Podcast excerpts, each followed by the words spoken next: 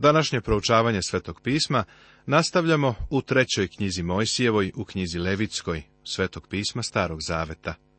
I započinjemo sa proučavanjem u prvom poglavlju. Tema žrtva paljenica. Ovo je najstarija čoveku poznata žrtva. Bila je to žrtva koju su prinosili Avelj, Noje i Avram. Sve žrtve su se prinosile na bakarnom oltaru, ali pošto su se tu prinosile i žrtve paljenice, on je prozvan oltarom žrtve paljenice. Ime mu je poteklo od ove žrtve. Ova žrtva je zabeležena prva, od uopšte pet navedenih žrtava, i to zbog svoje istaknutosti i prioriteta. Ova žrtva je slika Hrista po svojoj suštini i po smrti. Čovek ne može u potpunosti da dokuči smisao ove žrtve, jer nam ona iznosi ono što Bog vidi u Hristu. Mi ne vidimo onoliko koliko on vidi.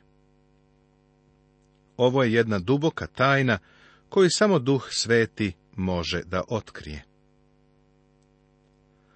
Žrtva paljenice nam predstavlja osobu Isusa Hrista. On je naša zamena. Apostol Pavle na tom otkriva u Efescima u petom poglavlju, u drugom stihu. I živite u ljubavi, kao što je i Hristos vas ljubio i samoga sebe predao za nas, kao prinos i žrtvu Bogu na prijatan miris.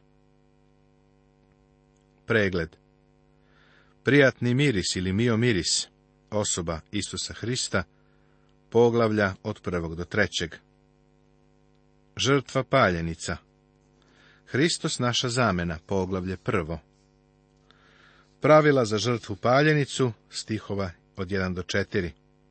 Obred za žrtvu paljenicu, stihovi od 5 do 16. Razlog za žrtvu paljenicu je stih 17. I zakon za žrtvu paljenicu daje se u šestom poglavlju, od 8. do 13. stiha. Pravila za žrtvu paljenicu I viknu gospod Mojsija i reče mu iz šatora od sastanka govoreći. Bog je pozvao Mojsija iz šatora od sastanka. Više ne govori kroz grmljavinu i munje sa vrha gore Sinaj, kao kada je davao zapovesti. Ovde on poziva Mojsija iz šatora od sastanka u izmirenju. I viknu gospod. Njegov poziv je upućen onima koji čuju Božji glas. Važno je da to uvidimo.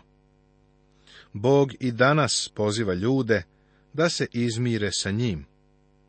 Crkva je pozvano telo, a njeni članovi su izabrani jer su pozvani.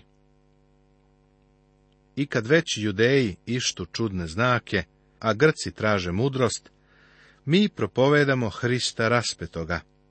Judejima sablazan, mnogobošcima ludost, a samim pozvanima, kako judejima, tako i Grcima, Hrista kao silu Božiju i mudrost Božiju. Ovo je zapisano u prvoj poslanici Korinčanima, u prvom poglavlju od 22. do 24. stiha. Pozvan nije onaj ko je samo čuo. Pozvan je onaj ko je čuo i odgovorio. Želeo bih da ti postavim pitanje, da li si ga čuo i da li si mu odgovorio. Kaži sinovima Izraeljevim i reci im, kad ko između vas hoće da prinese gospodu žrtvu od stoke, prinesite žrtvu svoju od goveda ili od ovaca ili od koza. Kad ko znači, kogod da bi došao. Ako mu je žrtva paljenica od goveda, neka prinese muško zdravo. Na vratima šatora od sastanka, neka je prinese drage volje pred gospodom. Neka prinese drage volje ako smem da kažem, ovo je drage volje u punom smislu te reči. Gospod Isus je rekao, ko je žedan, neka dođe. Ovo je sveobuhvatni poziv upućen celokupnom ljudskom rodu. Niko nije izostavljen, osim onih koji se sami isključuju. Gospod Isus postavlja samo jedan uslov. Ko je žedan? Možda ćeš reći, ja ne žednim, pa onda možda ovo nije za tebe. Ali ako jesi žedan, on te poziva da mu dođeš. On te može zadovoljiti. Prorok Isaija je ovo uključio u svoj poziv. Oj, žedni koji ste god, hodite na vodu. Svako može doći Hristu samo ako želi. U čoveku mora postojati potreba i želja. Ako to imaš, dođi. Za žrtvu paljenicu korišćene su dve vrste životinja. Bila je to stoka iz krda, kao i ovce iz stada. Divlje životinje, odnosno ulovljene, bile su isključene. Životinje mesožderi su bile zabranjene u svim žrtvama. Životinje koje opstaju, ubijajući druge životinje, nikako ne bi mogle da otkriju Hrista, koji je došao da svoj život da kao otkup za druge. Sljedeće ograničenje je bilo da životinja mora biti čista i pripitomljena domaća. Nije mogla da se ulovi. Samo ono što je vlasniku bilo drago i vredno, moglo je da se prinese na žrtvu, jer je ovo praslika Hrista. Bog nije poštedeo sobstvenog sina, Hristos je trpeo na krstu, ali je Otac trpeo na nebu. Posljednje ograničenje pokazuje da je životinja bila poslušna čoveku. Kakva je samo ovo slika? Hristos je bio poslušni sluga. Došao je da služi i bio poslušan do same smrti. Žrtva paljenica je žrtva koja se do levitskog doba spominje i bila je jedina žrtva koju su prinosili oni koji su hteli da pristupe Bogu. Žrtva paljenica se na jevrejskom zove ola, znači ono što se uzdiže. Nije neumesno reći da se žrtva paljenica uzdizala u dimu. Bila je cela spaljivana na oltaru, od nje nije ostajalo ništa osim pepela. Ovo nam pokazuje da je žrtva paljenica ono što Bog vidi u Hristu.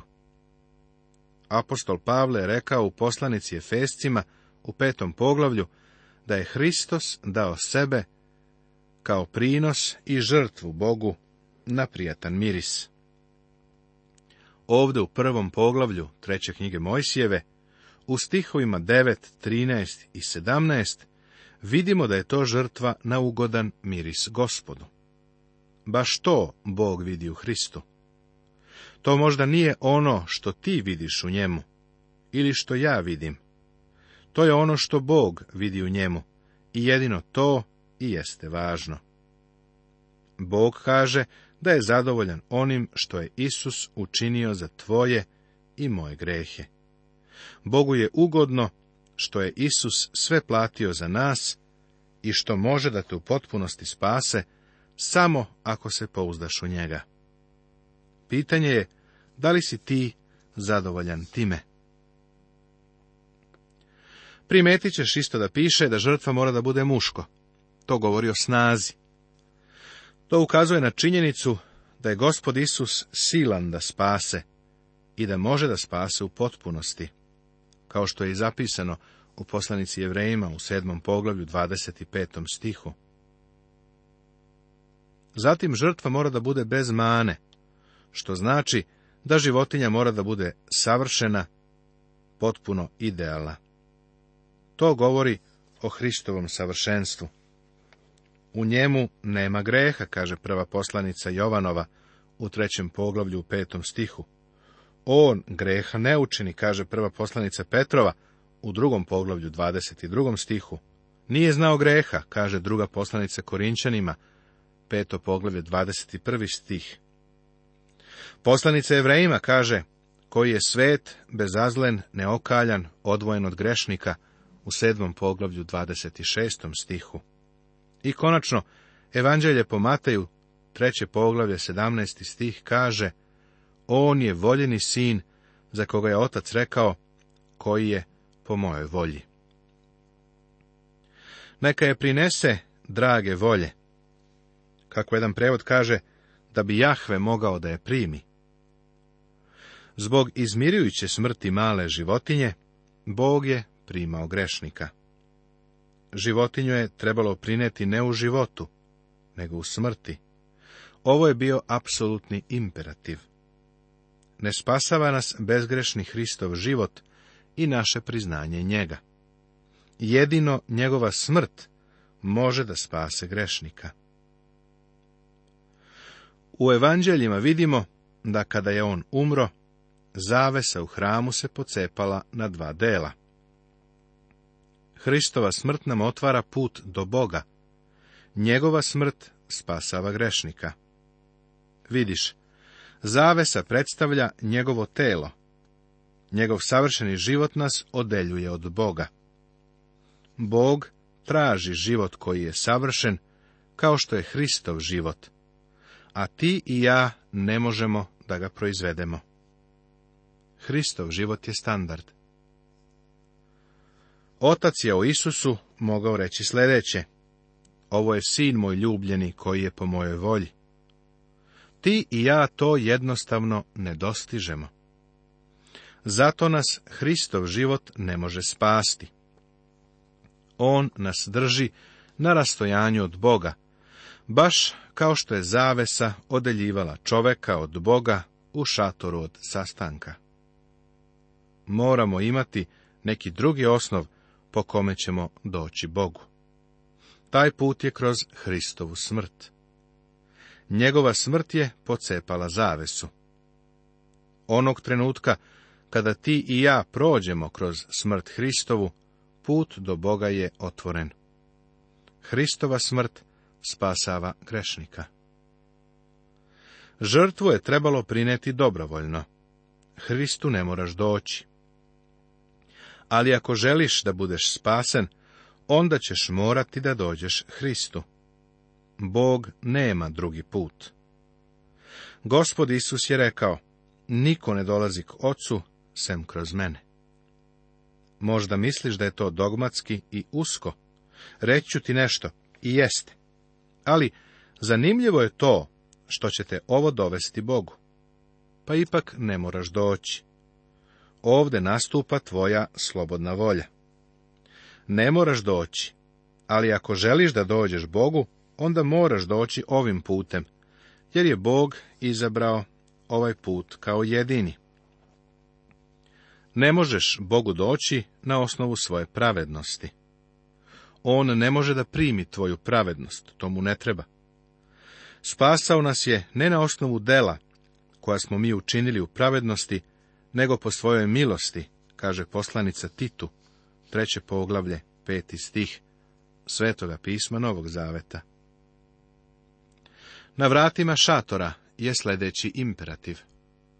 Žrtvu nisu mogli prineti ni na jednom drugom mestu. Ovo je trebalo da Izraelce sačuva od idolopoklonstva. Oni su stalno pokazivali sklonost ka idolopoklonstvu, pa je konačno njihovo idolopoklonstvo bilo razlog za vavilonsko ropstvo. A ovo je da usput spomenem nešto što za tebe ima poruku. Ovo treba da nas sačuva pretpostavke da Bogu možemo doći na naš način, pod našim uslovima. Mi ne stvaramo uslove pod kojima prilazimo Bogu. Prijatelju, Bog postavlja uslove. Ali svi beja smo kao nečisto što, i sva naša pravda kao nečista haljina, piše prorok Isaija, u 64. poglavlju u 6. stihu. Bog neće prihvatiti našu pravednost. Mnogo ljudi misli da je Božija pravednost samo nešto veća pravednost od čovekove, na nešto većem nivou. Ni približno. Ta pravednost je potpuno sveta. Jedina pravednost koju Bog može prihvatiti jeste Božija pravednost, koja se zadobija verom u Hrista. Nju ne možeš zaraditi, ne možeš je kupiti. Bog ne prima našu jadnu pravednost, ona će jednostavno potonuti. Žrtva se mora prineti na vratima šatora. Prijatelju nema drugog načina osim ovoga da se pristupi Bogu. Gospod Isus je rekao, niko ne dolazi k ocu, sem kroz mene i neka metne ruku svoju na glavu žrtvi paljenici i primit ćemo se i očistit će ga od greha. I neka metne ruku svoju na glavu žrtvi paljenici. Dr. Kellogg ovo naziva činom obeležavanja. Ovo je pokazano i u trećoj Mojsijevoj u 24. poglavlju, gde su svedoci morali da polože ruke na hulnika pre nego što je bivao kamenovan do smrti. Mojsije je polagao ruke na Isusa Navina, označavajući ga kao svog naslednika. Dr. Kellogg je napisao vrlo finu knjigu o trećoj Mojsijevoj, koja je već rasprodata, pa ti savjetujem da je nekako nabaviš u antikvarnici. Evo citata iz nje. On govori o polaganju ruke na glavu životinje, pa kaže – ovo simboliše transfer po milostivom Božijem proviđenju, obaveze da se trpi zbog greha, transfer sa onoga koji prinosi žrtvu na nedužnu žrtvu. Od tada je žrtva stala na mestu onoga ko prinosi žrtvu i shodno tome je prema njoj postupano. Drugim rečima, kada bi čovek tamo ušao i stavio ruku na glavu životinje, ona bi bila ubijena on je tu životinju označavao da zauzme njegovo mesto. Čovek je tako priznavao da zaslužuje smrt. Prijatelju, kada primiš Hrista kao spasitelja, time govoriš da si grešnik i da ne možeš sam sebe spasti. Želiš da se okreneš od svojih greha i da se obratiš spasitelju, želiš da živiš za njega. Mala životinja je umirala u zameničkoj smrti, umjesto onoga koje žrtvu prinosio. To je ono što je Hristos učinio za nas. Kada prihvatiš Hrista, ti svoju ruku stavljaš na njega, odnosno ti ga obeležavaš kao svog spasitelja. Danas ljudi kao da imaju ideju da u polaganju ruku postoji neka vrlina ili zasluga. Misle da je to neki transfer sile. Jedino što se može preneti polaganjem ruku jesu klice bolesti.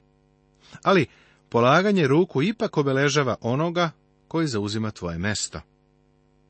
Kada mi kao vođe crkava stavimo ruke na misionara, kao što je crkva u Antiohiji učinila sa Pavlom i Varnavom, mi označavamo da ta osoba polazi umjesto nas i da je naš predstavnik. Hristos je zauzeo naše mesto.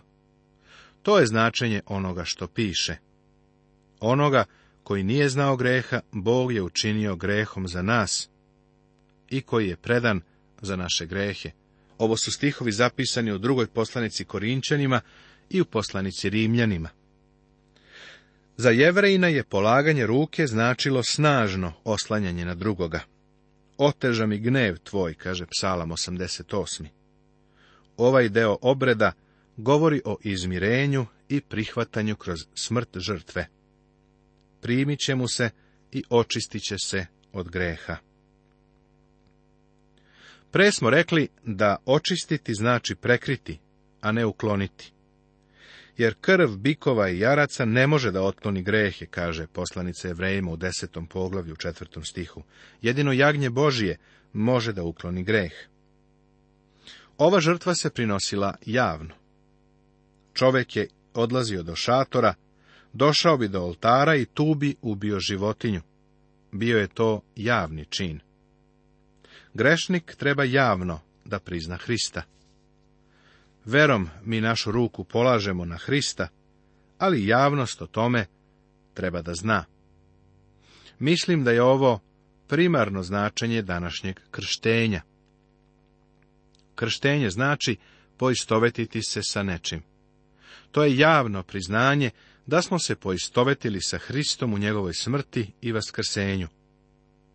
Zato je vodeno krštenje bilo tako važno u ranoj crkvi. Nastavit će se.